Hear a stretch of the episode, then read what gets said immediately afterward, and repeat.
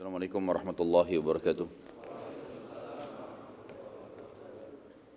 Alhamdulillah. Tidak pernah berhenti kita memuji Sang Pencipta Allah atas segala nikmat yang dilimpahkan kepada kita. Dan juga kita panjatkan salam hormat kita, salawat dan taslim kepada manusia terbaik yang diutus kepada kita, Nabi besar Muhammad sallallahu alaihi wasallam. Melanjutkan bahasan kita sirah dan tadi kita sudah lihat bagaimana Nabi Shallallahu Alaihi Wasallam dengan sangat mudah menaklukkan kota Mekah tanpa perlawanan kecuali sangat kecil sekali yang dipimpin oleh Ikirmah bin Abi Jahal dan Safwan bin Umayyah bin Khalaf yang berusaha untuk uh, menghadang pasukan Khalid bin Walid. Itu pun mereka terkalahkan dan 20 sekian orang dari Quraisy terbunuh. Nabi Wasallam pada saat itu menuju ke Ka'bah dan sempat membaca akhir surah Al-Fatih. Dan beliau pada saat itu membaca tapi belum melakukan uh, khilaf di antara ahli sejarah apakah Nabi SAW tawaf pada saat itu atau cuma sekedar lewat sambil membaca kembali akhir surah Al-Fatih. Untuk memastikan kepada orang-orang Quraisy kalau aku adalah utusan Allah karena bunyi ayatnya Muhammadur Rasulullah. Kemudian yang bersamaku ini bukan orang-orang biasa para sahabat mereka adalah orang-orang pilihan sang pencipta Allah dan sudah disebutkan ciri-ciri mereka di dalam Taurat dan Injil. Terus Nabi SAW mengumandangkan akhir surah Al-Fatih ini sampai akhirnya Nabi SAW mendekati sumur Zam-Zam. Dan ini lanjutan bahasan kita dari yang bahasan tadi pagi. Nabi SAW menuju ke sumur Zam-Zam. Lalu beliau SAW bersabda pada saat itu sambil memanggil Abbas, Hai Abbas, ke sinilah dan timbahkanlah air buat kami. Kata Nabi SAW, kalau bukan karena khawatir orang saling berebut, maka niscaya aku akan timba sendiri. Khawatirnya kalau Nabi SAW yang timba air zam-zam, maka akhirnya umat akan berebut untuk mengambil hasil timbahan Nabi SAW. Maka beliau menyuruh Abbas untuk menimbahnya, paman beliau yang baru saja masuk Islam radhiyallahu anhu. Juga dikatakan oleh para ulama bila Nabi SAW menimbah sendiri air zam-zam tersebut, maka nanti akan menjadi sunnah yang berarti setiap orang kalau minum di sumur zam-zam menimbah sendiri. Padahal sebenarnya mungkin kesulitan, apalagi kayak di zaman kita sekarang umat Islam makin banyak. Ya. Maka mungkin lebih dimudahkan kalau seperti ini hukumnya. Abbas lalu berkata, wahai utusan Allah, tidakkah anda setelah Nabi SAW ambil zam-zam, beliau meminumnya, dan para sahabat menyaksikan bagaimana Nabi SAW meminum air zam-zam tersebut dan menjadi sebuah sunnah di mana banyak hadis Nabi SAW yang berbunyi zam-zam adalah minuman sekaligus makanan yang mengenangkan. Juga dalam hadis yang lain kata Nabi SAW zam-zam sesuai dengan niat orang yang meminumnya. Setelah itu Nabi SAW dan keluar juga sebuah hukum tentunya ya disunnahkan setiap selesai habis tawaf atau keliling Ka'bah untuk minum air zam-zam. Sebagaimana kita tahu dalam masalah umrah dan haji. Abbas radhiyallahu anhu lalu setelah minum zam-zam tadi bersama Nabi SAW, dia mengatakan, wahai utusan Allah, tidakkah anda mendatangi rumah anda yang dahulu anda tinggal bersama Khadijah? Jadi ada rumah Nabi SAW dulu besar. Khadijah radhiyallahu anha tinggal di komplek elitnya Mekah. Bersebelahan dengan Abu Jahal, Abu Lahab, Umayyah bin Khalaf, orang-orang tokoh Mekah. Nabi SAW dulu tinggal di komplek itu. Tetapi waktu Nabi SAW hijrah ke Madinah, bersama dengan seluruh sahabat hijrah maka seluruhnya menjadi rampasan orang-orang Mekah. Dirampas secara paksa. Dan uniknya yang mengambil rumah Nabi SAW adalah sepupunya sendiri. Namanya Akhil. Akhil bin Abi Talib. Ya, ini saudaranya Ali bin Abi Talib tapi dia tidak masuk Islam. Maka kata Abbas tidakkah anda ya Rasulullah mendatangi rumah anda? Sekarang anda sudah menang Mekah sudah direbut. Satu Mekah sekarang miliknya Nabi. Bukan cuma rumah beliau. Rumahnya orang kafir semua dengan orang-orang kafirnya semua jadi hak Nabi SAW. Karena pasukan Mekah, masukan pasukan muslimin masuk dengan kekuatan di sini. Walaupun tidak mereka tidak sempat melawan. Beda hukumnya kalau ada kesepakatan damai sebelumnya. Tapi kalau pasukan masuk di satu wilayah dan berkuasa maka seluruh wilayah itu menjadi harta rampasan perang. Maka Nabi SAW menunjukkan adab dan akhlak yang luar biasa dalam Islam. Yang luar biasa di dalam Islam. Beliau mengatakan, wahai Abbas, apakah Akhil bin Abi Talib masih meninggalkan tempat tinggal buat kami? Akhil adalah salah satu kerabatku. Nabi SAW jelaskan, padahal Abbas tahu kalau itu adalah ya keponakannya. Tapi Nabi SAW menjelaskan agar muslimin tahu. Kata Nabi SAW, Akil adalah kerabatku dan ia telah menjualnya. Jadi waktu Nabi SAW hijrah ke Madinah, diambillah rumah itu oleh Akil lalu Akil menjualnya. Dan Nabi SAW mengatakan, bagaimana aku masih menganggap itu rumahku? Dan ini juga keluar sebuah hukum syar'i. Kalaupun sampai misalnya, semoga tidak terjadi bagi muslimin, ada wilayah dicaplok oleh orang-orang kafir, dikuasai. Lalu kemudian mereka sudah mentransaksikan rumah-rumah kita di situ, walaupun kita merebutnya kembali sudah bukan rumah kita. Seperti itulah. Maka Nabi SAW pun tidak mengambil kembali rumah itu. Menganggap rumah itu adalah hak orang kafir yang sudah memberi dari akil. Nabi SAW sempat tinggal selama 19 hari di Mekah pada saat itu. Dan selama itu beliau mengkosor solatnya tanpa jamak. Duhur di waktu duhur dua rakaat, asar di waktu asar dua rakaat. Tapi beliau mengkasar selama 19 hari. Makanya ini salah satu dalil yang sangat jelas dipegang oleh sebagian ulama tentang bolehnya menjamak qasar lebih daripada 6 hari. Karena ada pendapat juga mengatakan maksimal 6 hari. Tapi khilaf di antara ulama. Di antaranya adalah dalil sahih yang menjelaskan bagaimana Nabi SAW tinggal di sana selama 19 hari dan beliau tentunya menjamak eh, mengkasar tapi tanpa jamak. Dan ini juga sebuah hukum syar'i dikatakan lebih afdal seseorang kalau musafir kalau dia sudah tiba di satu lokasi merasa aman enggak butuh untuk dijamak maka dia cukup mengambil keutamaan kasarnya saja. Waktu duhur dia sholat dua rakaat nanti di waktu asar juga dia sholat lagi dua rakaat. Kalau dia merasa tidak ada sesuatu yang mendesak dia untuk menjamak kasarnya. Nabi SAW lalu memerintahkan agar Quraisy semuanya karena mereka tawanan perang. Satu kota Mekah dikumpulin di sekitar Bukit Safa. Jadi waktu itu kebetulan memang masyarakat kalau dikumpulkan dekat Bukit Safa dan belum ada bangunan kayak kita sekarang, ya, Safa dan Marwah dulu diibaratkan gunung, dua gunung yang kosong, tidak ada bangunan di situ. Memang betul dipakai sa'i berjalan karena dari zaman Ibrahim alaihissalam, tapi tidak dibangun bangunan di zaman Quraisy dulu. Maka seperti masih lembah padang pasir. Dikumpulkanlah seluruh orang Quraisy di situ. Dan Nabi SAW menyampaikan ceramahnya atau khutbahnya yang masyhur yang isinya sangat tegas yaitu memberantas semua keputusan-keputusan jahiliyah. Mulai hari itu tidak lagi kemusyrikan di Mekah, semuanya harus bertauhid ya. dan juga tidak boleh ada riba, praktek zina, semuanya yang haram diterapkan.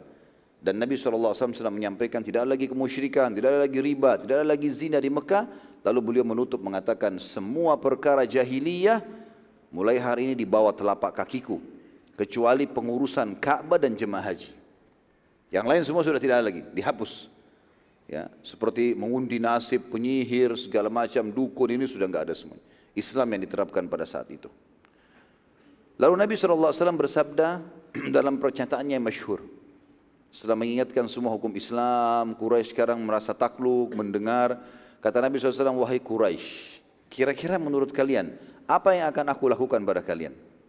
Sekarang pasukan menguasai satu lokasi bebas, mau buat apa saja. Mau dibunuh, mau dibebasin, mau jadikan budak, bebas-bebas saja. Hukum syar'i pun membolehkan itu. Dalam arti kata kalau memang dianggap mereka adalah pembangkang-pembangkang yang berbahaya bagi muslimin bisa saja dihukum mati. Ya. Maka Quraisy serentak menjawab mengatakan engkau adalah saudara dan kerabat kami yang mulia dan dermawan. Maka Nabi SAW mengucapkan kalimat masyhur dan ini yang membebaskan seluruh Mekah dari tawanan perang. Dan juga tidak ada, tidak ada dari Mekah. Enggak ada harta diambil sedikit pun dari Mekah pada saat itu. Kata Nabi SAW, pergilah kalian telah aku bebaskan. Enggak ada tawanan perang, walaupun dalam keadaan kafir. Enggak ada tawanan perang, enggak ada juga diambil harta-harta kalian. Dan ini luar biasa melunakkan hati orang-orang Quraisy. Bagaimana pasukan telah berhasil menang, apalagi beberapa tahun saja sebelumnya, ya, itu sudah sempat Quraisy menyerang, menyerang berperang di Badar, berperang di Uhud, berperang di Khandak. Ya, itu. Banyak sekali dan permusuhan-permusuhan yang sangat jelas. Bagaimana Nabi SAW setelah menguasai itu tidak menghukum mereka, malah membebaskan, gitu kan? Pada saat itu seluruh Mekah di bawah kekuasaan Nabi SAW dan seluruh dalam seluruhnya dalam keadaan aman. Seluruh pintu gerbang Mekah dijaga oleh pasukan muslimin. Semua sisi jalan-jalan Mekah dikuasai oleh muslimin. Prajurit Islam semua menyebar di situ.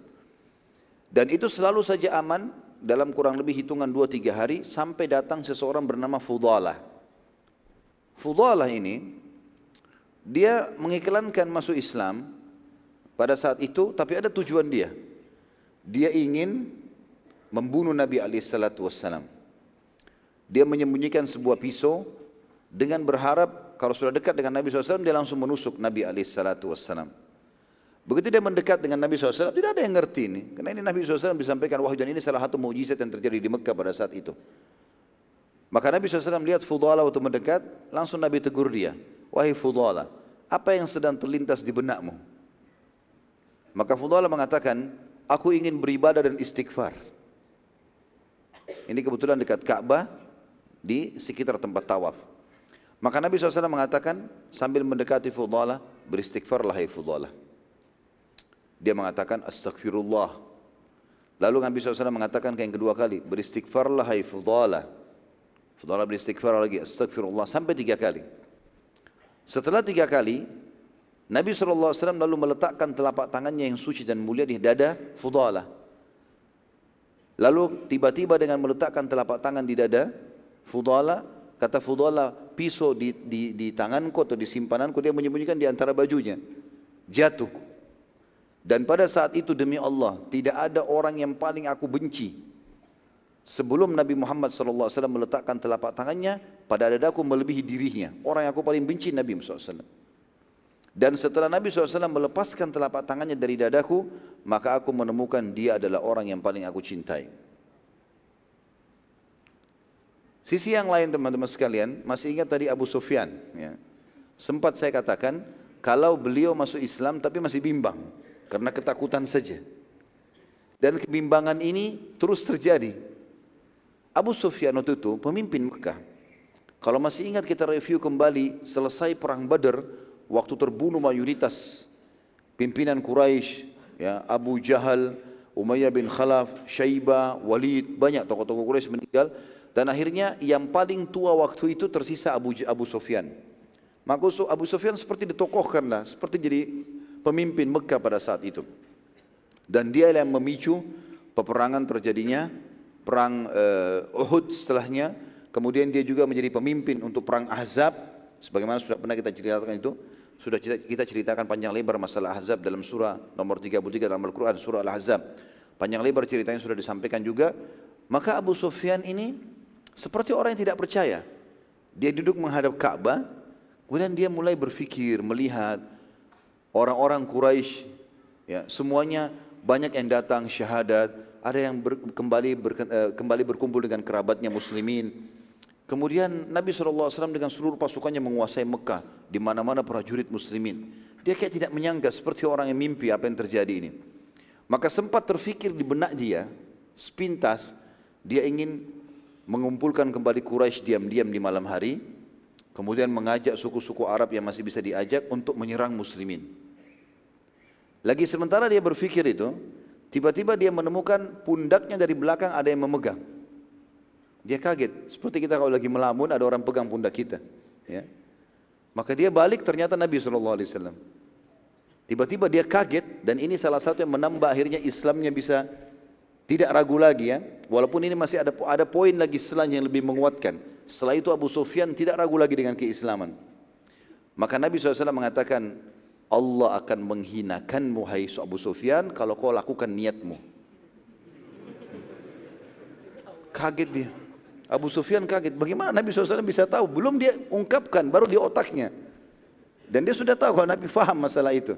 Allah akan menghinakanmu Abu Sufyan kalau kau jalankan niatmu. Maka pada saat itu Abu Sufyan heran. Berkecamuk di benak dia, ini kayaknya benar Rasulullah ini. Gitu kan. Enggak mungkin dia bisa tahu seperti ini. Pada saat itu Nabi SAW tinggalkan Abu Sufyan. Cuma ucapkan kalimat itu saja, ditinggalkan. Abu Sufyan berkecamuk di fikirannya antara dua fikiran tadi. Mengumpulkan orang-orang Arab dan Quraisy untuk menyerang muslimin dengan ketakutan karena Nabi tahu.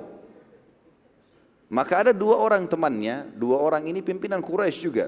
Namanya Utad ibn Usaid dan Harith ibn Hisham. Usaid dan Hisham ayahnya kedua orang ini Utad ibn Usaid, Usaid ini mati terbunuh dalam keadaan kafir. Harith ibn Hisham, Hisham juga terbunuh dalam keadaan kafir. Ini anak mereka ini. Dua-duanya sahabat dekatnya Abu Sufyan. Datang dulu di sebelah Abu Sufyan. Menghadap ke Ka'bah. Melihat kejadian tersebut. Lalu ketiga orang sahabat ini masing-masing seperti orang yang terdiam. Tidak tahu apa yang harus dilakukan. Bingung gitu. Lalu tiba-tiba saja si Utad berkata. Ya, Maaf pada saat itu sebelumnya. Waktu mereka lagi melamun, menghayal, melihat keadaan ini. Waktu sholat masuk. Nabi SAW suruh Bilal naik ke atas Ka'bah. Azan di atas Ka'bah. Utad, Abu Sufyan, ya, ini semuanya dan Harith tahu betul Abu, Abu Bilal ini siapa? Budak. Dulu diperjualbelikan. Bagi mereka tidak ada nilainya Bilal di Mekah itu. Ini di pandangan mereka. Tapi Bilal Allah di dalam Islam tentu punya kemuliaan. Bahkan Abu Bakar pun setelah membebaskan dia dan setelah ikut ke Madinah hijrah kata Nabi kata Abu Bakar Bilal sayyiduna Bilal itu tuan kita gitu. Di dalam Islam berbeda. Tapi mereka tahu dalam pandangan mereka masih pikiran jahiliyah. Ini siapa ini budak diperjualbelikan naik ke atas Ka'bah. Toko-toko Quraisy nggak ada yang pernah injak ke atas Ka'bah gitu. Maka sementara mereka melihat kejadian tersebut, ya, untuk Bilal karena mau mengumandangkan azan, At Utat atau Atat tadi bilang, sungguh beruntung Usaid, ayahnya dia. Ya, karena tidak melihat bagaimana hamba sahaya ini naik ke atas Ka'bah seraya bertakbir. Kalau ayah saya masih hidup Usaid, ini pasti dihukum nih. Gak mungkin ada budak bisa di atas Ka'bah. Harith ibn Hisham juga bilang sama. Harith bilang, sungguh beruntung Hisham karena tidak melihat budak ini hamba saya naik di atas Ka'bah dan bertakbir.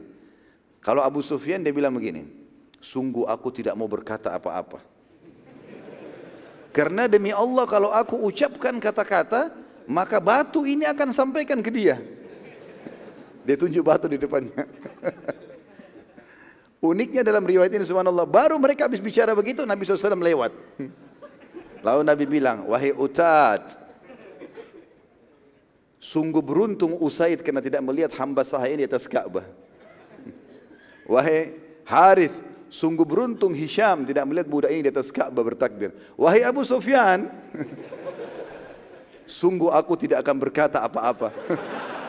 Karena kalau aku ucapkan batu itu akan menyampaikan. Semenjak kejadian ini Abu Sufyan tidak ragu lagi dengan keislaman. Ini kejadian terakhir yang membuat Abu Sufyan tidak ragu dengan Islam. Maka pada saat itu kata ahli sejarah, Abu Sufyan seluruh hatinya dipenuhi dengan Islam, tidak ada keraguan lagi. Pada saat itu dikumandangkan iqamah, lalu sholatlah baginda Nabi SAW dan memerintahkan setelah selesai sholat, memimpin sholat, bagi masyarakat Mekah, pada saat itu Nabi SAW kasar sholatnya, dan tepatnya waktu itu di waktu sholat duhur. Karena pasukan muslimin masuk tadi di Mekah di waktu duha. Ya, setelah mengatur semuanya tadi di dalam Mekah, maka tiba waktu sholat duhur. Nabi SAW suruh komandankan azan lalu iqamah. Lalu Nabi SAW sholatnya qasar, dua rakaat duhur. Bagi masyarakat Mekah, mereka ikut dengan Nabi SAW lalu mereka menyempurnakan dua rakaat yang tersisa. Dan ini keluar juga sebuah hukum syar'i, bolehnya imamnya musafir. Kemudian dia salam lalu makmumnya menambah rakaat yang tersisa. Setelah selesai sholat, Nabi SAW memerintahkan seluruh muslimin dan juga orang-orang kafir pada saat itu yang ada untuk menyingkir dari sekitar Ka'bah. Kosongin semua. Dan waktu itu Ka'bah dikelilingi dengan 375 berhala. Banyak sekali. 10 berhala saya sudah penuh, apalagi 375. Sampai dikatakan zaman itu orang kalau tawaf dia seperti melingkar ling, jalan di antara patung-patung saking banyaknya. Dan setiap orang bebas buat patung, taruh lagi patung, dia namakan sendiri, lalu dia sembah sendiri di depan Ka'bah.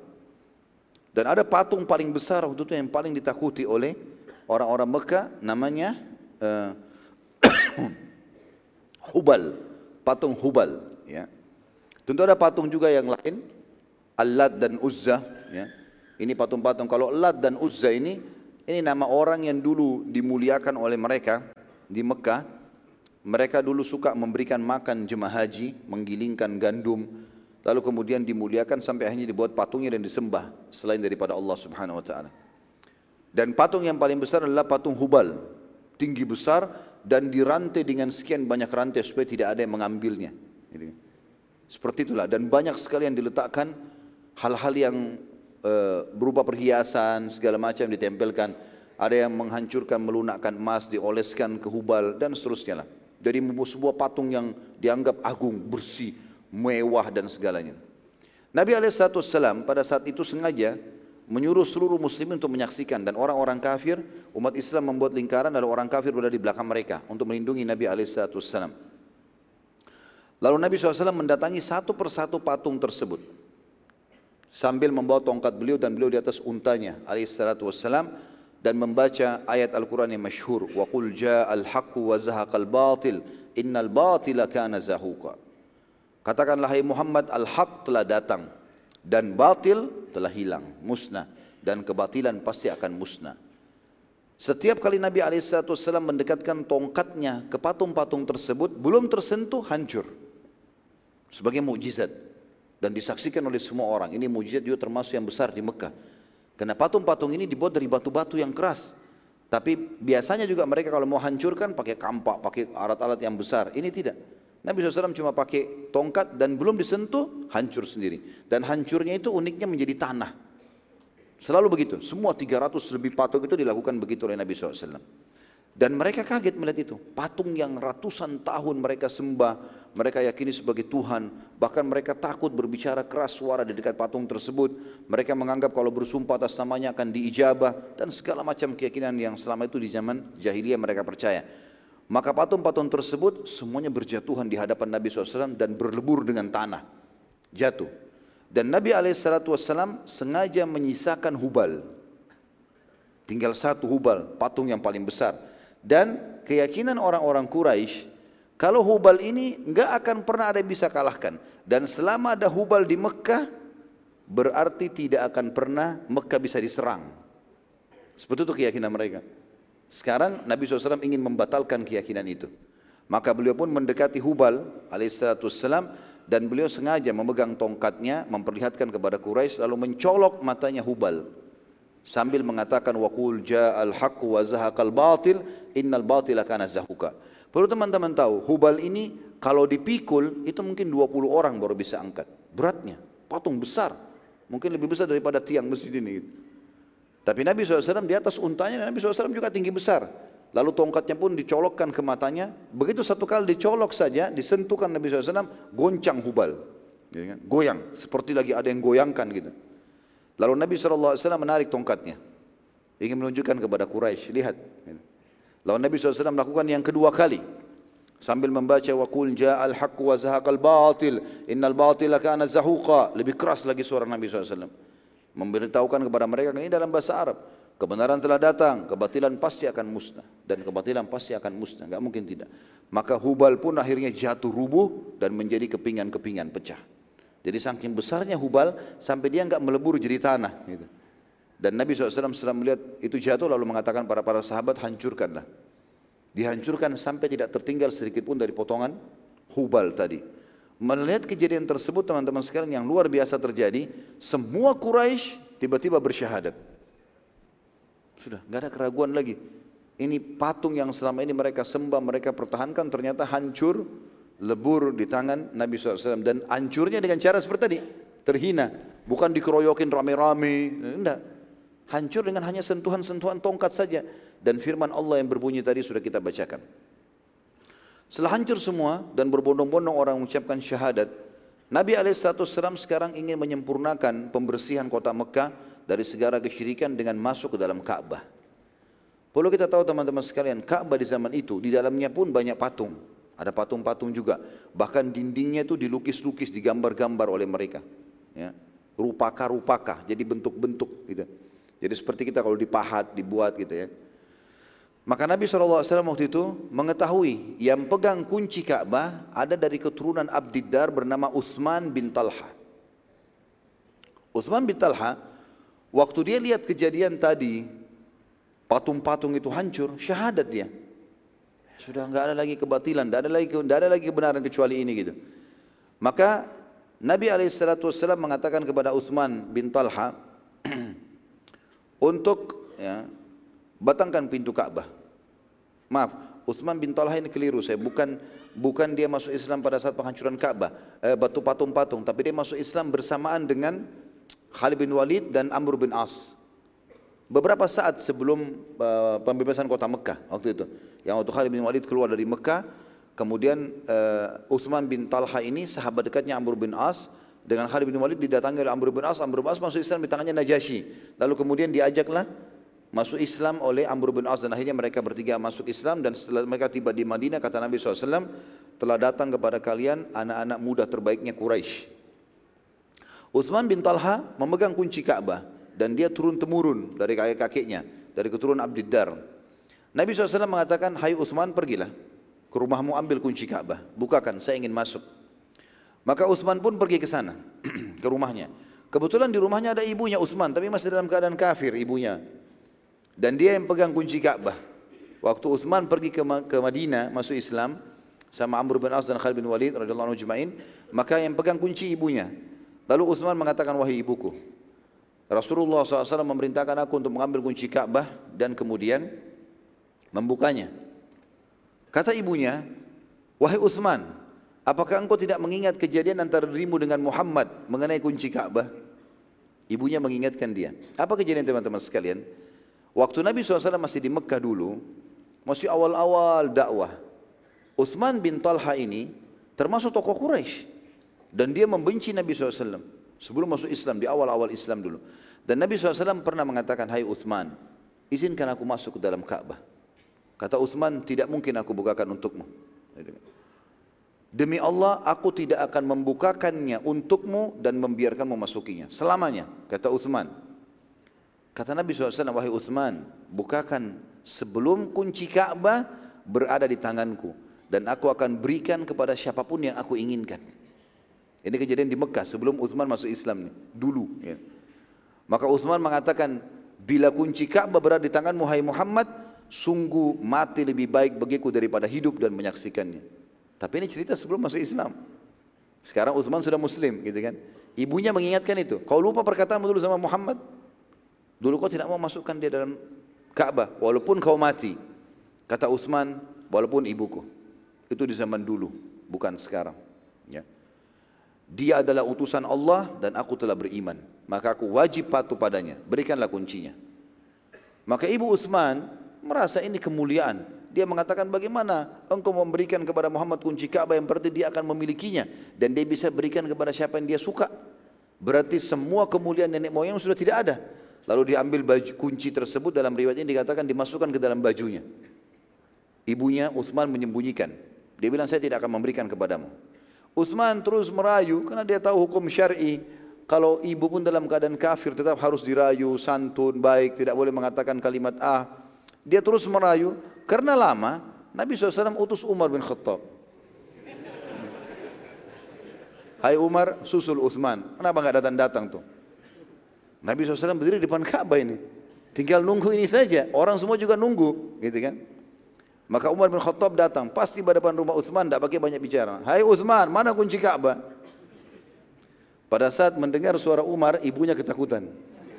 Lalu dia segar keluarkan, segera dia keluarkan kunci, dia kasih, hai Uthman kasihlah daripada nanti Umar membongkar rumah kita gitu. Pada saat itu akhirnya pergilah Uthman membawa kunci tersebut ke Nabi alaihi salatu wassalam kemudian membukakan pintu Ka'bah. Pada saat itu waktu diberikan kunci tersebut Nabi SAW mengetahui serta mengingat sebenarnya perkataan Uthman waktu sebelum masuk Islam dulu pernah mengucapkan itu. Maka Nabi SAW tidak menyinggungnya dan ini sebuah adab syar'i. Hal itu dulu masa jahiliyah, masa bodoh. Belum mengerti. Seperti kita mungkin punya teman-teman dulu sama-sama zina lah, apalah, mabuk. Enggak, sekarang sudah sadar sama-sama di pengajian. Termasuk adab dan akhlak dalam Islam tidak boleh kita mengatakan, dulu kan kau lebih buruk dari saya. Dulu kan kamu begini, kamu kan juga begini. Itu dulu, sekarang orang ke depan. Tidak perlu kita lihat masa lalunya seseorang. Maka Nabi SAW tidak singgung, tapi Nabi tahu, melihat matanya Utsman, Utsman seperti sedikit takut dengan kalimat itu. Jangan sampai Nabi SAW mengingatkan kembali. Tapi Nabi tidak mengucapkan, mengatakan, Hai Utsman, bukalah, aku akan masuk. Dibuka. Setelah selesai, Nabi SAW memegang kunci Ka'bah. Dan waktu itu, Abbas bin Abdul Muttalib, paman Nabi SAW, mengurus Masjidil Haram dan jemaah haji. Maka dia ingin mengambil kemuliaan tersebut sambil dia mengatakan, Ya Rasulullah, gabungkanlah padaku pengurusan Masjidil Haram, jemaah haji dan juga kunci Ka'bah. Maka Nabi SAW bersabda dengan sabda yang masyhur dan ini menandakan juga kemuliaan jiwa Nabi SAW. Setiap muslim harus begini. Maka Nabi SAW mengatakan, tidak hai Abbas. Hari ini adalah hari kemuliaan dan bakti. Hari ini hari kebaikan. Sebarin kebaikan. Gitu. Peganglah kunci Ka'bah wahai suku Abdiddar dan suku Syaibah selamanya. Maksudnya sukunya Talha. Lalu Nabi SAW mengembalikan kepada Talha mengatakan, peganglah ini kepada anak keturunanmu. Dan subhanallah sampai hari ini di kerajaan Saudi pun turun-temurun kerajaan Islam. Ya, datang setelahnya Khulafaur Rashidin, Nabi SAW meninggal, datang Umayyah, Abbasiyah, Uthmaniyah, sampai sekarang pemerintahan Saudi semuanya dari keturunan Abdiddar yang pegang kunci Ka'bah. Sesuai dengan wasiat Nabi SAW. Setelah pintu Ka'bah dibuka, Nabi SAW menyuruh Umar bin Khattab masuk lebih dulu kemudian menghapus semua gambar-gambar yang terletak, terletak di dinding Ka'bah sebelum beliau masuk. Dan waktu itu banyak sekali di gambar-gambar ya. Mereka lukis-lukis, diukir-ukir gitu. Oleh Umar bin Khattab dibersihkan. Di antara Ka'bah yang ada, di antara gambar yang ada dalam Ka'bah waktu itu adalah gambar Ibrahim dan Ismail menurut mereka, versi mereka, versi Quraisy. Dan dalam gambar itu seakan-akan keduanya sedang memohon pada berhala. Juga ada gambar Maryam alaihissalam, gitu kan. Mereka gambarkan menurut pemandangan mereka saja. Siapa yang dianggap tokoh masyarakat waktu itu dianggap beriman sama Allah digambar-gambarkan sama mereka. Maka oleh Umar dihapuslah. Setelah selesai Umar bin Khattab keluar mengatakan sudah ya Rasulullah. Maka Nabi SAW masuk dan ternyata beliau menemukan masih ada sisa gambar Ibrahim dan Ismail alaihissalam. Maka Nabi SAW kemudian bersabda, semoga Allah membinasakan mereka karena telah memperlakukan orang tua kami begini. Lalu Nabi SAW menghapus dengan lengan baju beliau sendiri sisa gambar daripada Ibrahim dan Ismail alaihi wassalatu wassalam. Lalu Nabi SAW sholat dua rakaat. Dan waktu itu kebetulan, waktu masuk setelah Umar bin Khattab keluar, Nabi SAW tidak mengizinkan orang masuk kecuali Bilal. Dan ini kemuliaan Bilal radhiyallahu anhu. Ini saya sudah ceritakan dalam serial sahabat Bilal radhiyallahu anhu bagaimana ini termasuk kemuliaan yang khusus. Karena Nabi SAW masuk itu tidak mengajak orang lain. Siapa pun tidak boleh ikut kecuali Bilal. Lalu Nabi SAW sholat dua rakaat di situ. Dan ini niatnya sholat tahiyat masjid. Hmm, tentu teman-teman sekarang kalau mau masuk sholat dalam Ka'bah ditutup, ada pintunya nggak dibuka kecuali untuk tamu-tamu kerajaan. Tapi ada di sebelah Ka'bah ada hijri Ismail yang melengkung dan ada tiga lampu itu juga termasuk bagian dari Ka'bah. Sebagaimana sudah pernah kita jelaskan di awal-awal sirah kita, kalau di zaman Abdul Muttalib pernah Ka'bah mau dibangun, tapi karena harta mereka enggak cukup yang halal, maka Ka'bah menjadi kecil. Dan hijir Ismail tidak masuk. Di zaman Ibrahim AS sampai ukuran hijir Ismail. Jadi kalau orang sholat dalam hijir Ismail sama dengan sholat dalam Ka'bah dan diniatkan untuk tahiyat masjid. Setelah selesai sholat dua rakaat, Nabi SAW keluar bersama Bilal. Dan ternyata di depan pintu sudah ditunggu oleh Abdullah bin Umar radhiyallahu anhu. Dan Abdullah bin Umar ini sahabat Nabi terkenal dengan sahibut ta'assi. Artinya orang yang luar biasa mengikuti sunnah-sunnah Nabi SAW dengan sangat detail. Betul-betul luar biasa. Apa saja Nabi kerjakan SAW. Jangankan bicara wajib, yang sunnah-sunnah. Bahkan perilaku biasa. Cara jalannya Nabi, Nabi pernah mampir di mana. Semuanya diikuti oleh Abdullah bin Umar. Makanya dikenal dengan sahibut ta'assi. Di zaman setelah Nabi SAW meninggal, pernah satu kali Abdullah bin Umar memimpin kafilah haji dari Madinah di tengah jalan dia berhentikan ada 70 ekor unta, berhenti semua. Lalu kemudian dia mengatakan, tunggulah dan saksikanlah. Turunlah dia dari untanya, dia jalan. Orang semua lihat Abdullah bin Umar sahabat Nabi, ulamanya sahabat waktu itu, ulama yang muslimin. Orang semua lihat sampai kejauhan tinggal bayangan. Lalu Abdullah bin Umar datang ke satu sebuah tempat itu lalu beliau buang air kecil di situ. Lalu kembali lagi. Ada beberapa sahabat Nabi yang masih hidup waktu itu dan tidak mengerti lalu bertanya, "Wahai Abdullah bin Umar, apakah Anda memberhentikan kami semua ini hanya menyaksikan Anda kencing di situ?" Kata Abdullah bin Umar, "Iya, karena saya ingin menyampaikan kepada kalian pada saat saya sedang berjalan bersama Nabi SAW menuju ke Mekah, beliau pernah mampir di sini, beliau pernah buang air kecil di situ." Ya. Saking luar biasanya mengikuti kehidupan Nabi SAW. Maka pada saat itu bin Umar tanya, "Bilal, hai Bilal, apa yang Nabi kerjakan di dalam?" Kata Nabi kata Bilal, Nabi SAW sholat. Kata Abdullah Umar, di mana tempatnya? Ditunjukkan oleh Bilal. Lalu kemudian Abdullah bin Umar orang yang pertama mengerjakan sholat tersebut setelah Nabi SAW dan Bilal. Baik, kita lanjutkan dengan kisah Hindun bin Ut binti Utbah. Masih ingat tadi saya sampaikan ada 10 orang yang pasti disuruh bunuh, gitu kan? Termasuk di antaranya Hindun, istrinya Abu Sufyan. Abu Sufyan sekarang sudah masuk Islam. Hindun ini Karena dia tidak mau masuk Islam, dia berusaha menyelinap di antara masyarakat Mekah. Tapi dia termasuk target, kalau ditemukan harus dibunuh. Rupanya Nabi SAW kena melihat masyarakat Mekah banyak yang masuk Islam. Hindu belum masuk Islam waktu itu. Maka Nabi SAW kumpulkan. Salah satu yang dikumpulkan Nabi SAW khusus kaum wanita, dikumpulin sendiri. Ada tradisi-tradisi jahiliyah yang harus dihilangkan, tidak boleh ada. Maka Nabi SAW mengumpulkan mereka setelah syahadat, ya, pada saat itu mereka ikrarkan syahadat depan Nabi SAW, maka Nabi mengatakan kalian harus mengambil janji setia, menyebutkan janji setia, ikrarkan itu. Yang pertama, kata Nabi SAW tidak boleh lagi ada syirik bersama Allah SWT. Tidak lagi sekutunya Allah. Gak ada patung, gak ada jimat, gak ada apa-apa. Tawakal dan berpasrah kepada Allah. Rupanya Nabi SAW ucapkan itu, terdengar di dalam saf ya perempuan-perempuan ini ada suara. Lalu dia mengatakan, karena Nabi SAW mengatakan, ikrarkan la ilaha illallah wahdahu la syarikalah lahul mulku wa lahul hamdu wa huwa ala kulli syai'in qadir. Dalam bahasa Arab. Ikrarkan itu. Maka tiba-tiba ada suara dari saf perempuan mengatakan, wahai utusan Allah, bila seandainya Tuhan-Tuhan selain Allah berguna, maka akan bermanfaat buat kami hari ini. Ternyata suara itu suaranya Hindun. Hindun ratunya Mekah, gitu kan. Waktu dia ngomong di antara sab perempuan, gerumun banyak perempuan begitu, Nabi SAW kenal.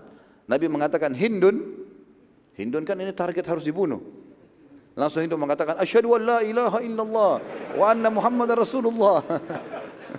Baru syahadat waktu itu. Lalu Nabi SAW tersenyum. Nabi menerima itu. Subhanallah mulianya jiwanya Nabi SAW. Padahal Hindun adalah pembunuh pamannya. Dan termasuk target untuk dibunuh. Maka Nabi SAW terima. Lalu Nabi lanjutkan. Nabi tidak terlalu hiraukan. Sudah syahadat, sudah Nabi biarkan. Nabi mengatakan yang kedua, tidak boleh zina dan memperlihatkan perhiasan kalian baik di tubuh maupun telapak kaki kalian. Orang Mekah semua diam. Ini tahu ini penaklukan Mekah. Dan sekarang sudah Islam. Harus dengar ini utusan Allah. Gitu kan? Maka Hindu nyeletuk lagi. Dia mengatakan, apakah wanita bebas bisa berzina ya Rasulullah? Karena tradisi orang di Mekah yang berzina kalau wanita hanya perempuan hamba sahaya. Enggak ada wanita bebas berzina walaupun mereka di zaman jahiliyah. Maka pada saat itu Nabi SAW tersenyum. Tidak menjawab apa-apa. Yang penting sekarang poinnya tidak boleh berzina. Yang ketiga, tidak boleh membunuh anak karena khawatir miskin. Hindun nyeletuk lagi. Ini masih mu'allaf. Dia mengatakan, wahai utusan Allah, kami membesarkan anak-anak kami, lalu kalian membunuhnya di Badr. Kan di perang Badr banyak dibunuh orang Quraisy. Termasuk yang mati ayahnya dia sama kakaknya dia. Kami besarkan anak-anak kami, lalu kalian membunuhnya di Badr. Nabi SAW senyum saja. Enggak ditanggapi sama sekali gitu. Dan ini teman-teman sekalian, poin-poin ini ditekankan oleh Nabi SAW dan ini menandakan kemuliaan hati dan kesucian hati Nabi SAW. Bagaimana beliau tetap menerima keislaman karena targetnya menyampaikan Islam. Kalau orang itu belum masuk Islam dan punya keburukan terhadap Islam, mungkin itu bisa dihukum. Tapi orang kalau sudah syahadat, syahadat ini memberhentikan semuanya. Enggak ada lagi dendam dengan dia, enggak ada lagi apa-apa sama sekali. Dan ini pelajaran penting teman-teman sekalian. Maka pada saat itu Nabi SAW menunjukkan kepada kita bagaimana mendahulukan syariat Allah Subhanahu Wa Taala dan hanya menerima keislaman Hindun. Dan ini pelajaran yang luar biasa kita ambil dari kehidupan dia. Bagaimana jahatnya pun seseorang dan bencinya dengan Islam.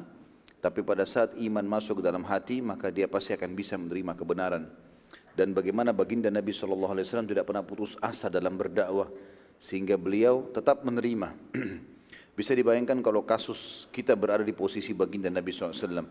Bagaimana beliau melihat depan matanya pamannya sampai Umar bin Khattab berkata kami tidak pernah melihat Nabi SAW menangis terisak-isak yang mengalahkan tangisan beliau pada saat di Uhud melihat jenazahnya Hamzah. Hidungnya dipotong, dadanya terbelah, darah semuanya gitu kan. Dan itu perilaku Hindun. Dan Hindun ini termasuk motivator terkuatnya Quraisy di perang Uhud. Bahkan dia mengeluarkan syair-syair yang mengatakan kepada pasukan Quraisy, kalau kalian lari dari kancah peperangan, maka kami akan meninggalkan kalian. Dia instruksikan semua wanita Mekah tidak boleh melayani suaminya. Dan orang-orang perempuan pada saat itu patuh. Gitu kan. Jadi luar biasa bagaimana bencinya dengan Islam dan sekian banyak kisah berhubungan dengan masalah Hindun ini. Tapi setelah masuk Islam, Nabi SAW betul-betul target utamanya agama Allah, bukan yang lain. Maka beliau pun menerima masalah itu. Kisah yang lain adalah Abdullah bin Sa'ad bin Abi Sarh. Siapa orang ini? Hah? Penulis wahyu yang murtad, ya. Tapi malam ini tidak ada buku. Tadi pagi saya kasih buku. Karena sekarang sudah tinggal ngulangin saja. Dia adalah saudara susuannya Uthman bin Affan radhiyallahu anhu. Uthman bin Affan tahu betul permasalahannya saudara susunya ini, Abdullah ini. Dan dia menginginkan agar hidayah juga datang kepada Abdullah. Sebagaimana Hindun masuk Islam, sebagaimana Abu Sufyan masuk Islam, dan banyak tokoh-tokoh Quraisy yang masuk Islam. Maka dia menjadikan target untuk mengejar di mana Abdullah bin Sa'ad ini, saudara susuannya. Dikejar, dicari sama dia dan dia tahu karena ini ini sepupunya, saudaranya. Dan dia tahu di tempat-tempat mana kira-kira di Mekah sembunyi. Sampai Uthman bin Affan menemukan dia. Dia berada di dalam sebuah rumah yang terpencil di pinggir kota Mekah. Kemudian oleh Uthman ditemukan. Lalu Uthman mengatakan kepada dia, Wahai Abdullah, sungguh ini kebenaran. Dan kamu telah melakukan kesalahan besar. Kamu telah masuk Islam lalu kamu murtad dan kamu munafik pada saat itu. Terbongkar kedokmu sekarang. Dan apa yang selama ini kau pikir Quraisy akan mengalahkan Nabi SAW sudah, sudah terbukti. Quraisy takluk tanpa perlawanan. Maka dalam kondisi dia ketakutan, ya, memang mengatakan lalu apa saranmu hai Uthman? Kata Uthman, masuk Islam lah. Tapi dengan tulus, ikuti kebenaran. Dia mengatakan bagaimana aku bisa aman sementara aku termasuk dalam daftar dari 10 orang yang harus dibunuh. Dia juga sudah tahu itu. Maka Uthman mengatakan bercadarlah, tutup wajahmu, pakai imamah, tutup wajahmu dan ikut dengan aku. Aku akan bawa kaum bertemu dengan Nabi sallallahu alaihi wasallam. Jalanlah mereka terus menuju ke kemah, karena ramainya kota Mekah tidak terlihat. Uthman pun mengajak dia jalan bersama, maka orang melihat Uthman bin Affan orang tahu. Dan karena Abdullah bin Sa'ad ini menutup wajahnya tidak kelihatan, bola matanya saja alisnya pun tertutup. Jadi enggak dikenal gitu. Pada saat itu kebetulan di dalam kemah Nabi SAW di sekitar, di sekitar Ka'bah ada seorang sahabat yang pada saat Nabi SAW mengatakan siapa yang menemukan fulan, fulan, fulan, fulan, 10 orang disebutkan namanya yang harus dibunuh, bunuh mereka walaupun mereka bergantung pada kiswah Ka'bah.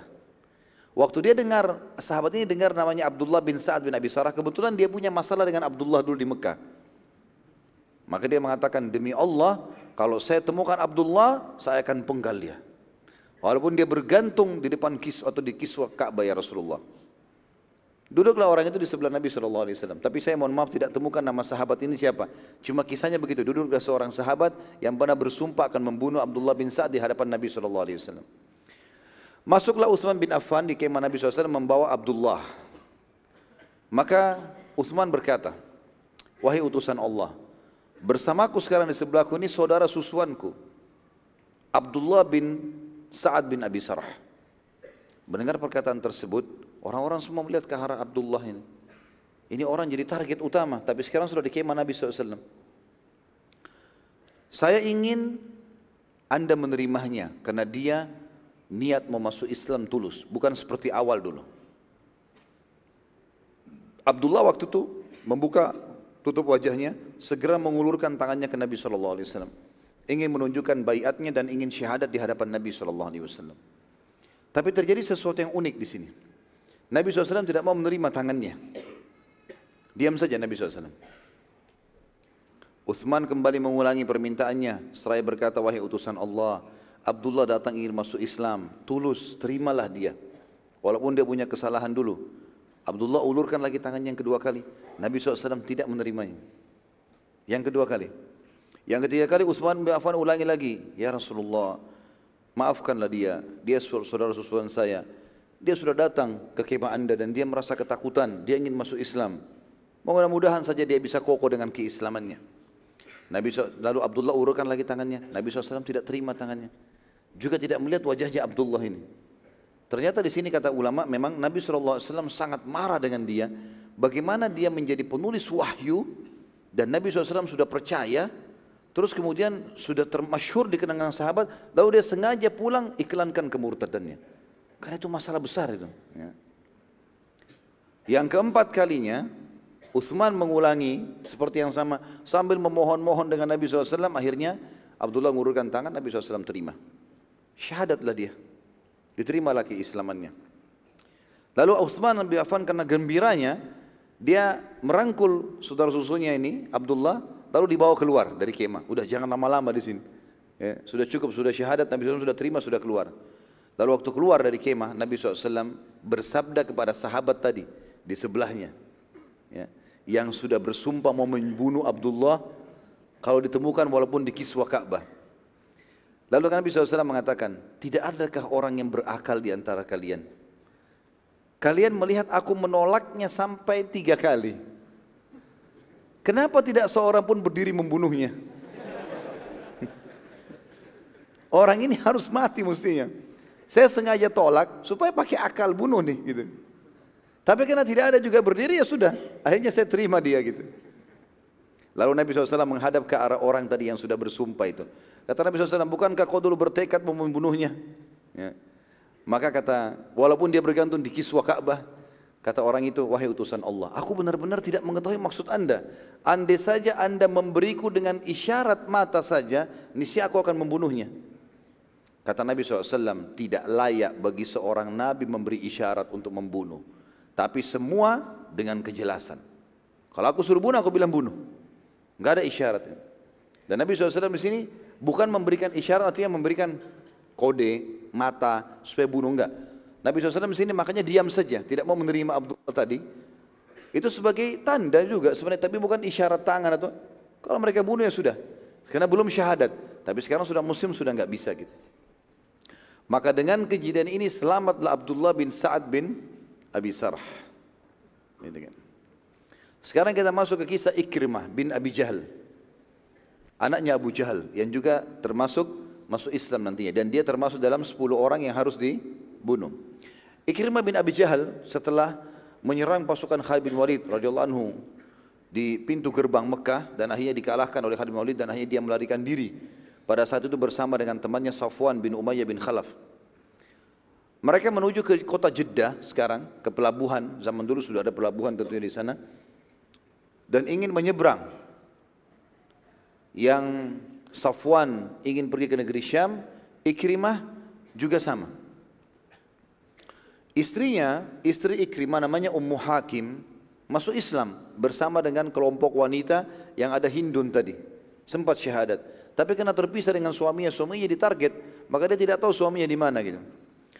Ummu Hakim pada saat itu sudah masuk Islam radhiyallahu anha dan dia berkata kepada Nabi SAW, wahai utusan Allah, bila aku membawa Ikrimah untuk ke Mekah masuk Islam, apakah anda menerimanya?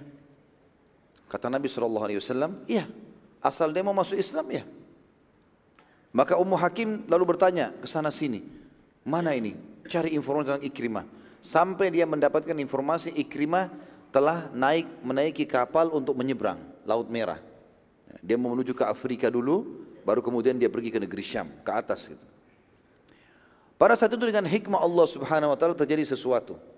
Allah kalau mau memberikan hidayah orang subhanallah dengan caranya dan cara Allah subhanahu wa taala ini memang tidak bisa susah untuk bisa ditangkap dengan akal sehat manusia. Allah subhanahu wa taala punya cara yang manusia mungkin tidak akan sampai idenya ke sana.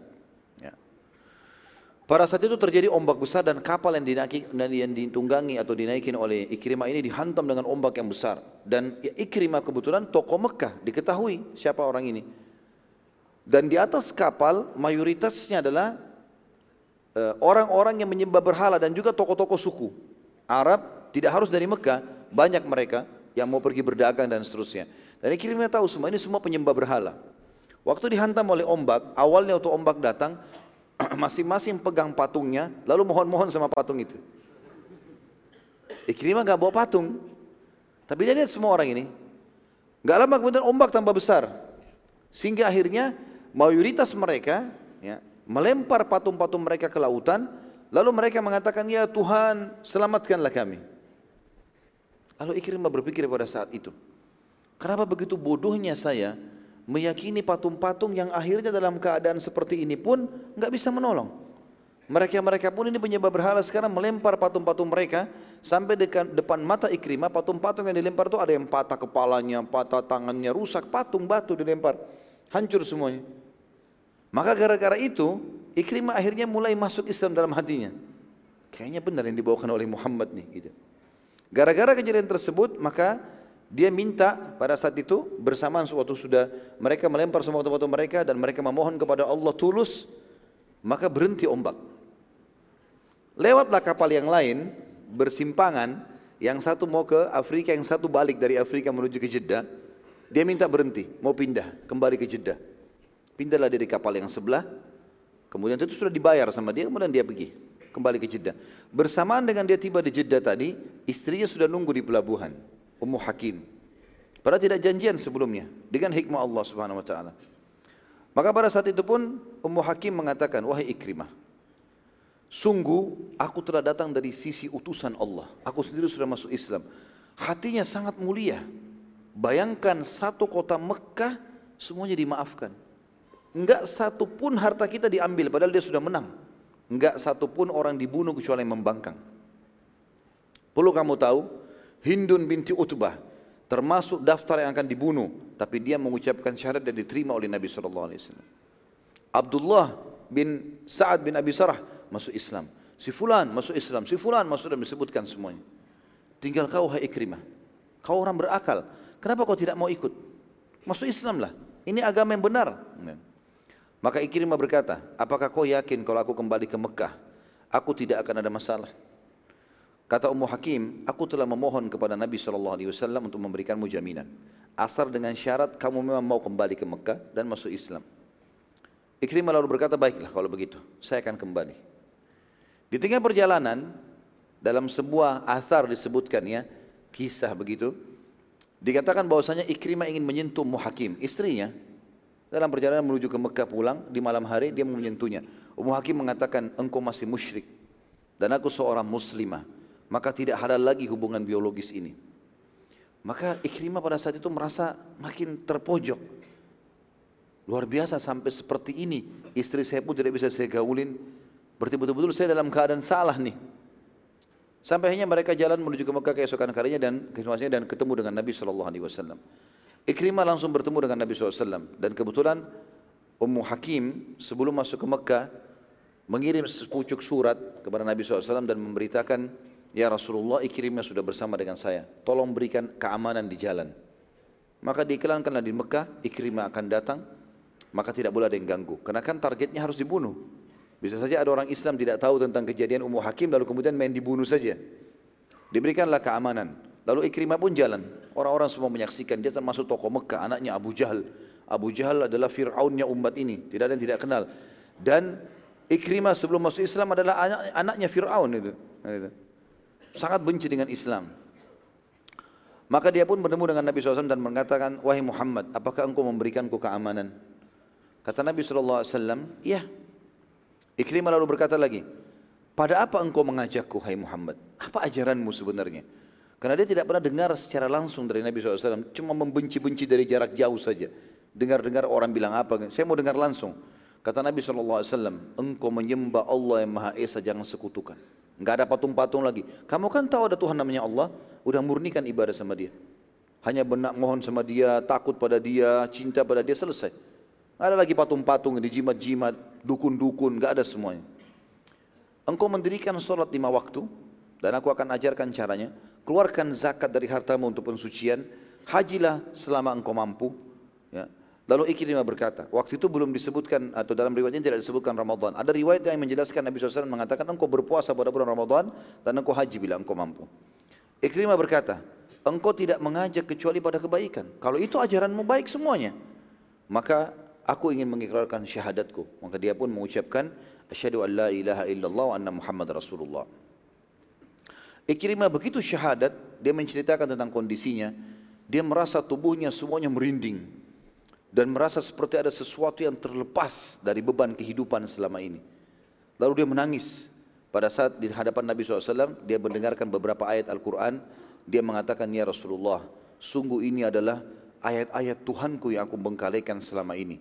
Dan aku bersumpah atas nama Allah ya Rasulullah, aku akan menginfakkan harta sebesar dulu di jalan Allah, sebesar dulu yang aku infakkan untuk memerangi Islam. Dan ini ulama mengambil sebuah hukum dari kejadian eh, Ikrimah radhiyallahu anhu ajma'in ini.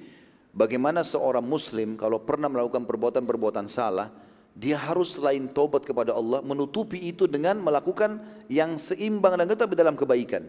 Seperti kasus misalnya, orang dulu di masa jahiliyah sebelum kenal agama yang benar, dia suka ke diskotik traktir orang. Biayai orang mabuk-mabukan misalnya, berzina traktir temannya zina di hotel, apalah segala macam. Dan dia tahu itu dia keluarkan karena dia punya kemampuan. Maka dia semestinya setelah tobat sekarang, dia kira-kira mentaksir. Dulu dia setiap malam minggu sering traktir temannya 5 juta, habis mabuk-mabukan segala macam. Sekarang dia nilai itu, dia infakkan di jalan Allah senilai itu untuk menutupi kesalahan itu. Itu yang Ikrim melakukan radhiyallahu dan Nabi SAW mendukung itu. Maka akhirnya diterima lagi Islamannya dan Ikrimah akhirnya lebih fokus ke dalam Islam. Dan tentu Ikrimah ini punya kisah sendiri. Dia mati syahid radhiyallahu anhu. Ya, mati syahid di peperangan melawan Musailama Al-Kadzab. Ya. Itu ada kisah sendiri dan teman-teman bisa kembali ke kisah serial sahabat dari sekian 29 kisah sahabat yang sudah kita tablik akbarkan di Makassar. Di antaranya sudah saya bahas panjang lebar Ikrimah bin Abi Jahar. Tapi yang kita fokusin adalah bagaimana masuk Islamnya dia. Sekarang kita masuk ke kisah masuk Islamnya Safwan bin Umayyah bin Khalaf.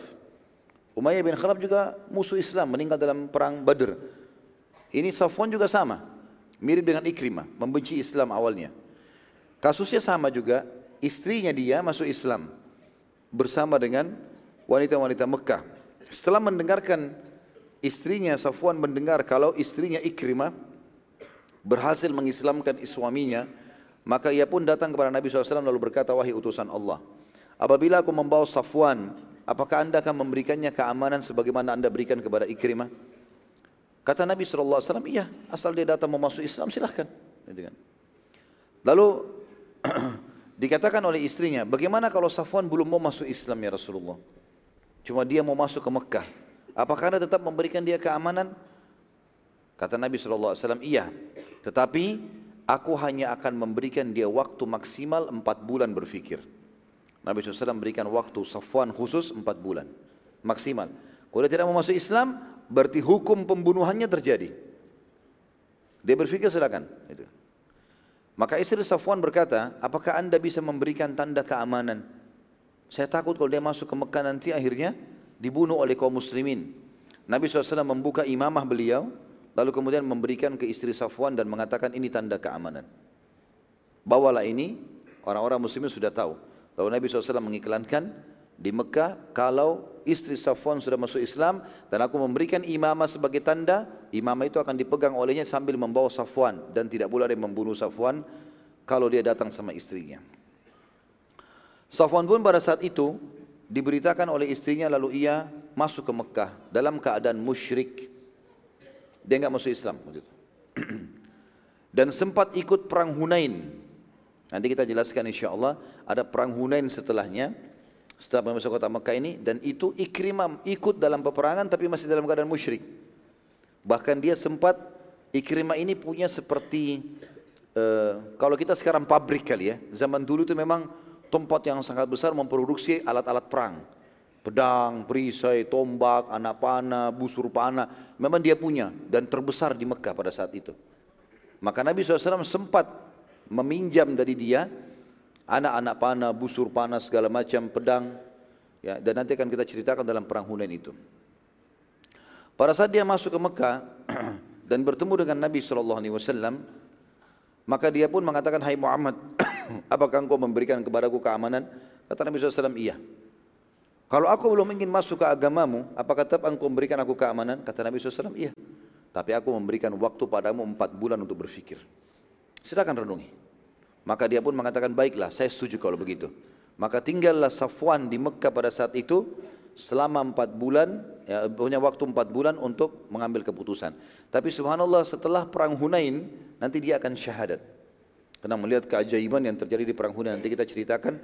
Dan di perang Hunain juga ini salah satu peperangan yang dihadiri oleh malaikat mirip dengan Badr. Tapi di perang Badr malaikat terlibat, di perang Hunain malaikat tidak terlibat dalam menghukum orang-orang kafir. Demikianlah teman-teman sekalian, pemuka-pemuka Quraisy masuk Islam satu persatu dan dengan takluknya Mekah maka pusat kekufuran Jazirah Arab telah berakhir. Terlebih lagi di situ ada Ka'bah, pusat kiblatnya kaum muslimin dan seluruh berhala di situ sudah dihancurkan. Yang berarti Selama ini Mekah ternyata menjadi sumber patung. Jadi masyarakat Mekah, pekerjaan utamanya yang paling menguntungkan mereka, jual patung. Terutama di musim haji. Dan gara-gara perbuatan ini, makin banyak tersebar penyembahan berhala. Jadi dengan hancurnya sumber patung-patung ini, jemaah haji yang datang sudah tidak ada lagi. Terlebih lagi Nabi SAW sudah menguasai, dan nanti kita akan belajar dalam haji wada bagaimana Nabi SAW menunjukkan haji yang benar. Dan itu yang diterapkan sampai hari kita, Alhamdulillah. Pembebasan kota Mekah ini terjadi di bulan Ramadan pada tahun 8 Hijriah.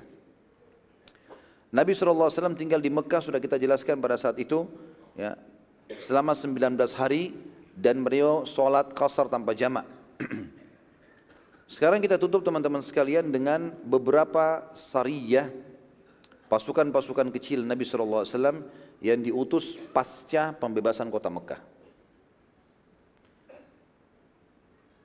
Nabi SAW mengirim beberapa syariah dari Mekah ya. Dikirimlah syariah-syariah, pasukan-pasukan kecil. Dan saya pernah jelaskan, syariah ini diistilahkan kalau tiga orang ke atas jumlahnya. Dan ini dianggap pasukan kecil. Selalu Nabi SAW menggunakan strategi ini. Kirim pasukan inti 10 orang, 20 orang, 30 orang, 70 orang. Sebagian hadis sejarah mengatakan syariah dinamakan dengan 100 orang. Tapi ada beberapa syariah Nabi SAW yang lebih dari ini. Nabi SAW mengirim yang pertama sekali Syariah dikenal dengan Mushallil dan ini ada terdiri dari 30 personil perang dipimpin oleh Khalid bin Walid untuk menghancurkan patung Uzza jadi rupanya perjalanan antara Mekah dengan Taif ada patung besar. Mereka namakan Uzza. Alat dan Uzza itu ya. Ya mereka kalau bersumpah atas nama itu mereka takut kualat. Maka Khalid bin Walid hancurkan itu. Dan itu berhasil. Yang kedua, dikirimnya Hisham bin Asi. Diutus oleh Nabi SAW untuk menakut-nakuti suku Hawazim. Tapi ternyata Hawazim sudah siap dengan jumlah yang sangat banyak sehingga membuat Hisham kembali ke Mekah dan melaporkan kepada Nabi SAW. Jadi jumlahnya tidak banyak waktu itu sekitar mungkin 30 orang juga hanya untuk datang menunjukkan kekuatan muslimin kepada suku Hawazim. Hawazim besar sekali. Kota Taif ya. Dan beda dengan keadaan Mekah pada saat itu nanti kita ceritakan dalam perang Hunain mereka sudah siap mau perang. Ya. Kemudian kembali ke Mekah dan Nabi SAW sudah berbenteng di Mekah sekarang. Bentengnya kuat sekali gitu kan. Kemudian yang ketiga diutusnya Khalid bin Asim ke beberapa pemukiman kecil di sekitar Mekah guna menghancurkan semua berhala yang tersisa. Dan kita lihat di sini Nabi SAW teman-teman sekalian menghancurkan semua berhala. Tidak ditinggalkan satupun. Sayang kita sekarang malah buat berhala itu ya. Kita buat patung. Ada umat Islam malah ikut-ikutan buat-buat patung. Gitu kan. Semoga Allah berikan hidayah. Tentunya ini tidak boleh ada. Sampai Nabi Ibrahim AS mengatakan tentang patung-patung tersebut. A'udzubillahi minasyaitonir in rabbi innahunna adlalna katsiran minan nas. Ya Allah patung-patung ini banyak sekali menyesatkan manusia. Maka tidak perlu ada patung sama sekali. Hindari semua yang berhubungan dengan patung-patung ini. Baik itu hanya untuk ukiran lah, atas nama seni lah, atau apa saja. Setiap muslim harus jauhi. Dan kita tahu sebab sebab kekufuran dan kesyirikan justru karena adanya patung. Awalnya cuma di, di, di, dianggap bagus, lama-lama disembah. Gitu kan. Dan apa pun yang berhubungan dengan patung-patung atau memilih patung ini hindari aja semua. Termasuk teman-teman biasakan anak-anak kita untuk main dengan mainan dengan cara menghindari boneka-boneka. Ya. Hindari saja lebih aman. Walaupun ada riwayat menjelaskan Aisyah Onha pernah bermain dengan boneka. Tetapi seseorang muslim kata ulama berjaga-jaga untuk tidak membiasakan anaknya memegang boneka-boneka seperti ini. Apalagi boneka ini ceritanya khurafat, bohong. Doraemon misalnya. Doraemon bohong semua. Dusta. Dalam gambarannya dia bisa keluarkan apa saja dari perutnya. Ya. Kalau kita orang dewasa nonton ketawa saja, tapi anak kecil Bayangkan kalau antum berikan boneka Doraemon taruh di sebelah ranjangnya, apa yang dia pikir? Kalau dia lagi mau tidur, dia bicara sama boneka itu. Mungkin dia minta sesuatu pada boneka itu. Benar nggak? Kita mungkin orang tua hanya sekedar menjadikan bantalnya misalnya, tapi akidahnya dia sedang terganggu, bahaya sekali. Beranjak dari situ, gitu kan? Itu bahaya sekali. Berikan mainan robot-robot, untuk apa kita berikan robot-robot ini? Gitu kan?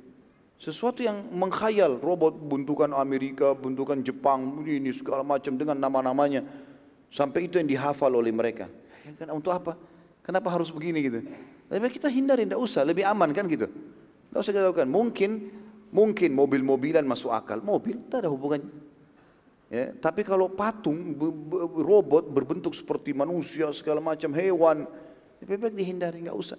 Apalagi sekarang alhamdulillah media kita kan bagus banyak ya. Daripada gambar lebih baik kita lihatkan cuplikan. Mau lihatkan misalnya harimau, ini loh harimau nak. Ada cuplikannya. Ya, mungkin secara ilmiah menunjukkan ini harimau. Kita bisa tunjukkan dan bisa sudah bisa kita hindari ya. Artinya untuk menjaga-jaga saja. Karena bahaya sekali gitu kan. Bahaya sekali ini bisa membawa pada hal-hal yang tidak diinginkan. Kita lihat Nabi SAW betul-betul membersihkan Mekah dan sekitar Jazirah Arab sekarang. Dan kita lihat nanti setelah ini pun, setelah menang di perang Hunain, melawan suku Hawazim nanti, itu betul-betul bersih Jazirah Arab. Enggak ada satupun, karena di, di Taif, Taif itu kota kedua sumber patung setelah Mekah. Yang nanti akan diserang oleh Nabi SAW. Kemudian yang keempat, Nabi SAW mengutus lagi Khalid bin Walid ke suku Judaimah. Saat Khalid bin Walid tiba di sana ternyata suku Duaima telah menyambutnya dengan maksud ingin masuk Islam pada saat itu. Eh, dan tradisi Junaima ini atau Juhaima ini bila menyambut tamu mereka kalau dimuliakan mereka biasa keluar dengan persenjataan lengkap. Maka Khalid bin Walid mengira bahwasanya mereka mau melawan, gitu kan? Di tradisi suku ini kalau keluar menyambut tamu atau apa mereka pakai baju perang bawa pedang, nunjukkan keterampilan. Khalid bin Walid kira ini menantang, gitu kan? Maka Khalid bilang, masuk Islamlah kalian. Kalau tidak perang, mereka mengatakan sabakna. Kalimat sabak ini juga bagi orang Arab dulu dikatakan sabak kalau dia tinggalkan ajaran nenek moyangnya. Itu nama sabak. Khalid bin Walid tangkap sabakna, maksudnya mereka siap memasuki Islam. Tapi Khalid bin Walid tangkap ini sabakna artinya kami kafir. Karena kan sabak, kenapa dia nggak bilang iya kami mau masuk Islam? Kenapa harus pakai bahasa isyarat gitu kan? Maka Khalid bin Walid memerintahkan pasukannya menyerang. Serang ini. Ya, Waktu diserang terbunuh sebagian dari mereka dan tertawan sebagian lagi. Di malam harinya Khalid bin Walid membunuh sebagian tawanan lagi yang tersisa yang dianggap memang mereka ahli-ahli perangnya. Kemudian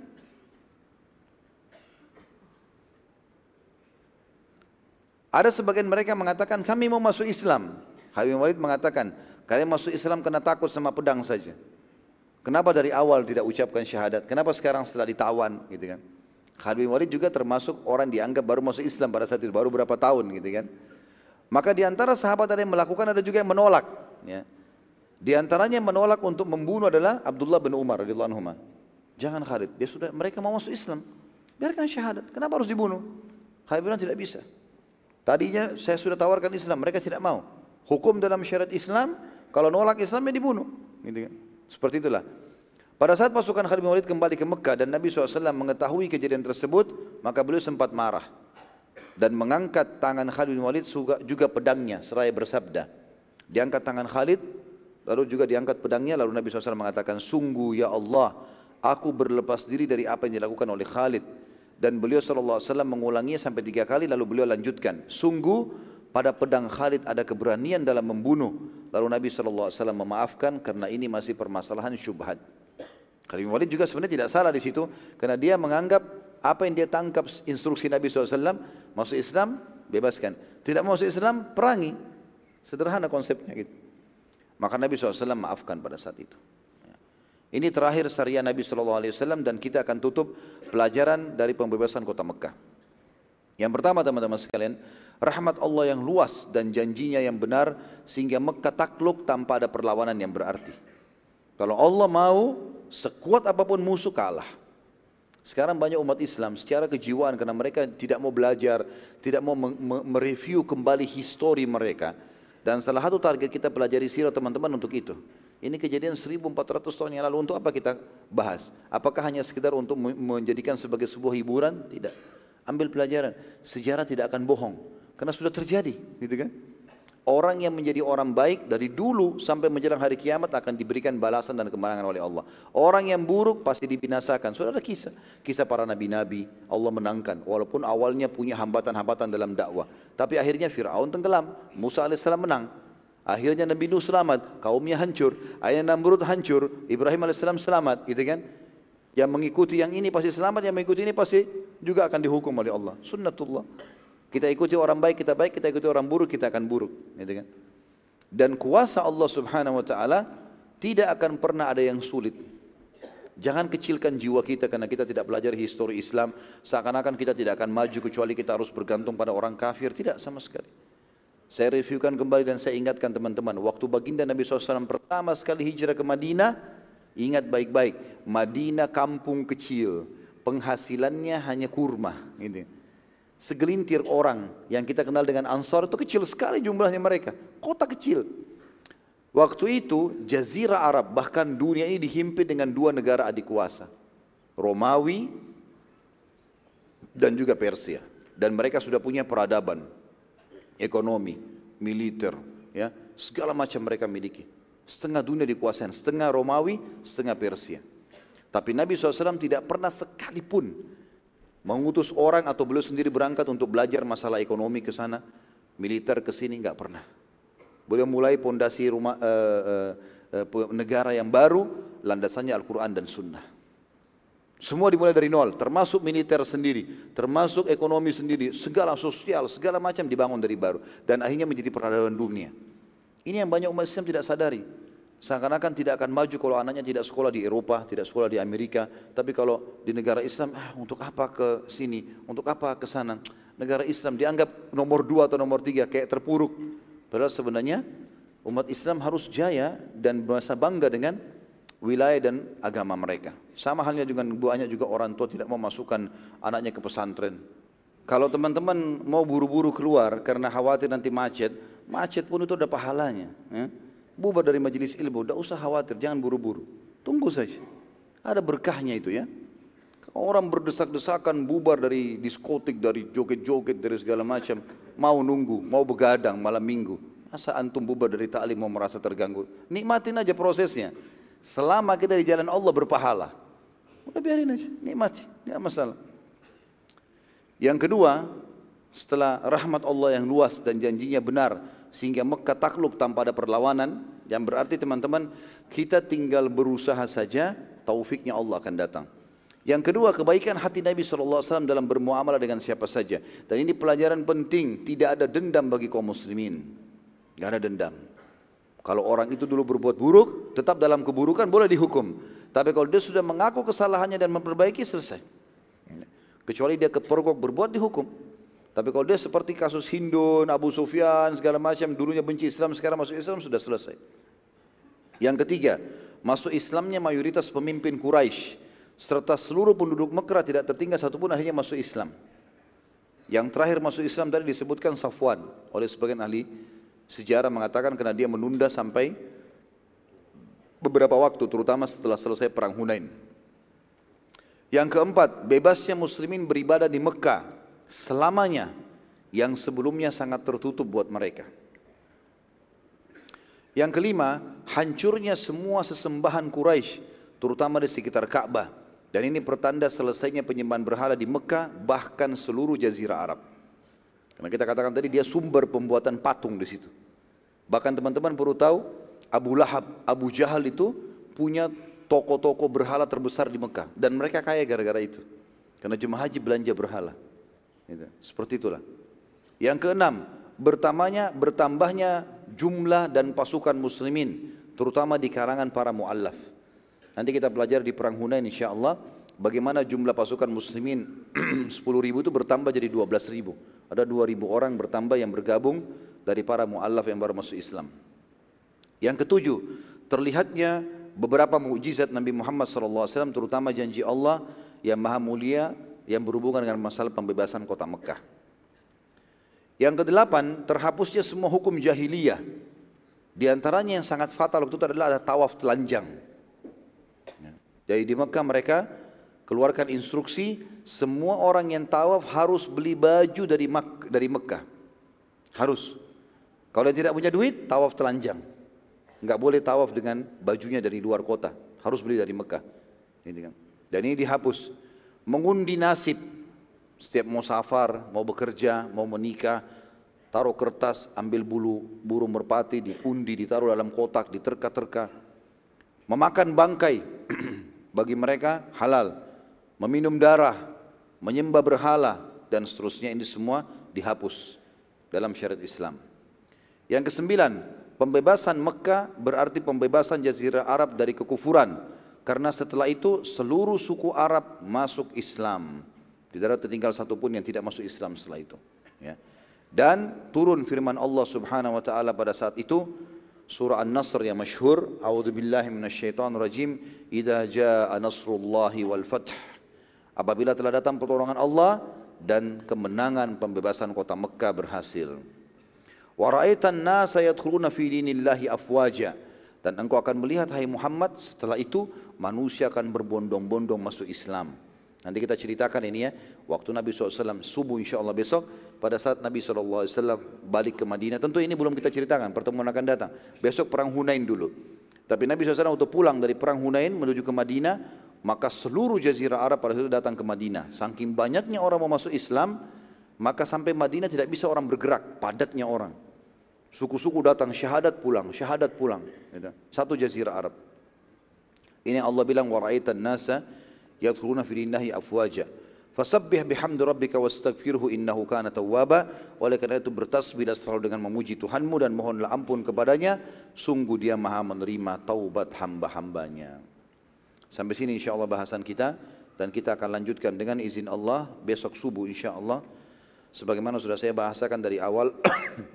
kalau kita akan usahakan dalam tiga kali pertemuan saya sebulan sekali ini, semuanya kita bahas sirah agar bisa menyelesaikan bahasan kita. Mungkin begitu saja kita tutup dengan berdoa kepada Allah SWT semoga majlis kita diberkahi olehnya dan dijadikan sebagai tambahan amal kita pada hari kiamat Semoga seluruh amal yang pernah kita kerjakan, yang sedang kita kerjakan dan akan kita kerjakan semuanya diterima dengan pahala yang sempurna.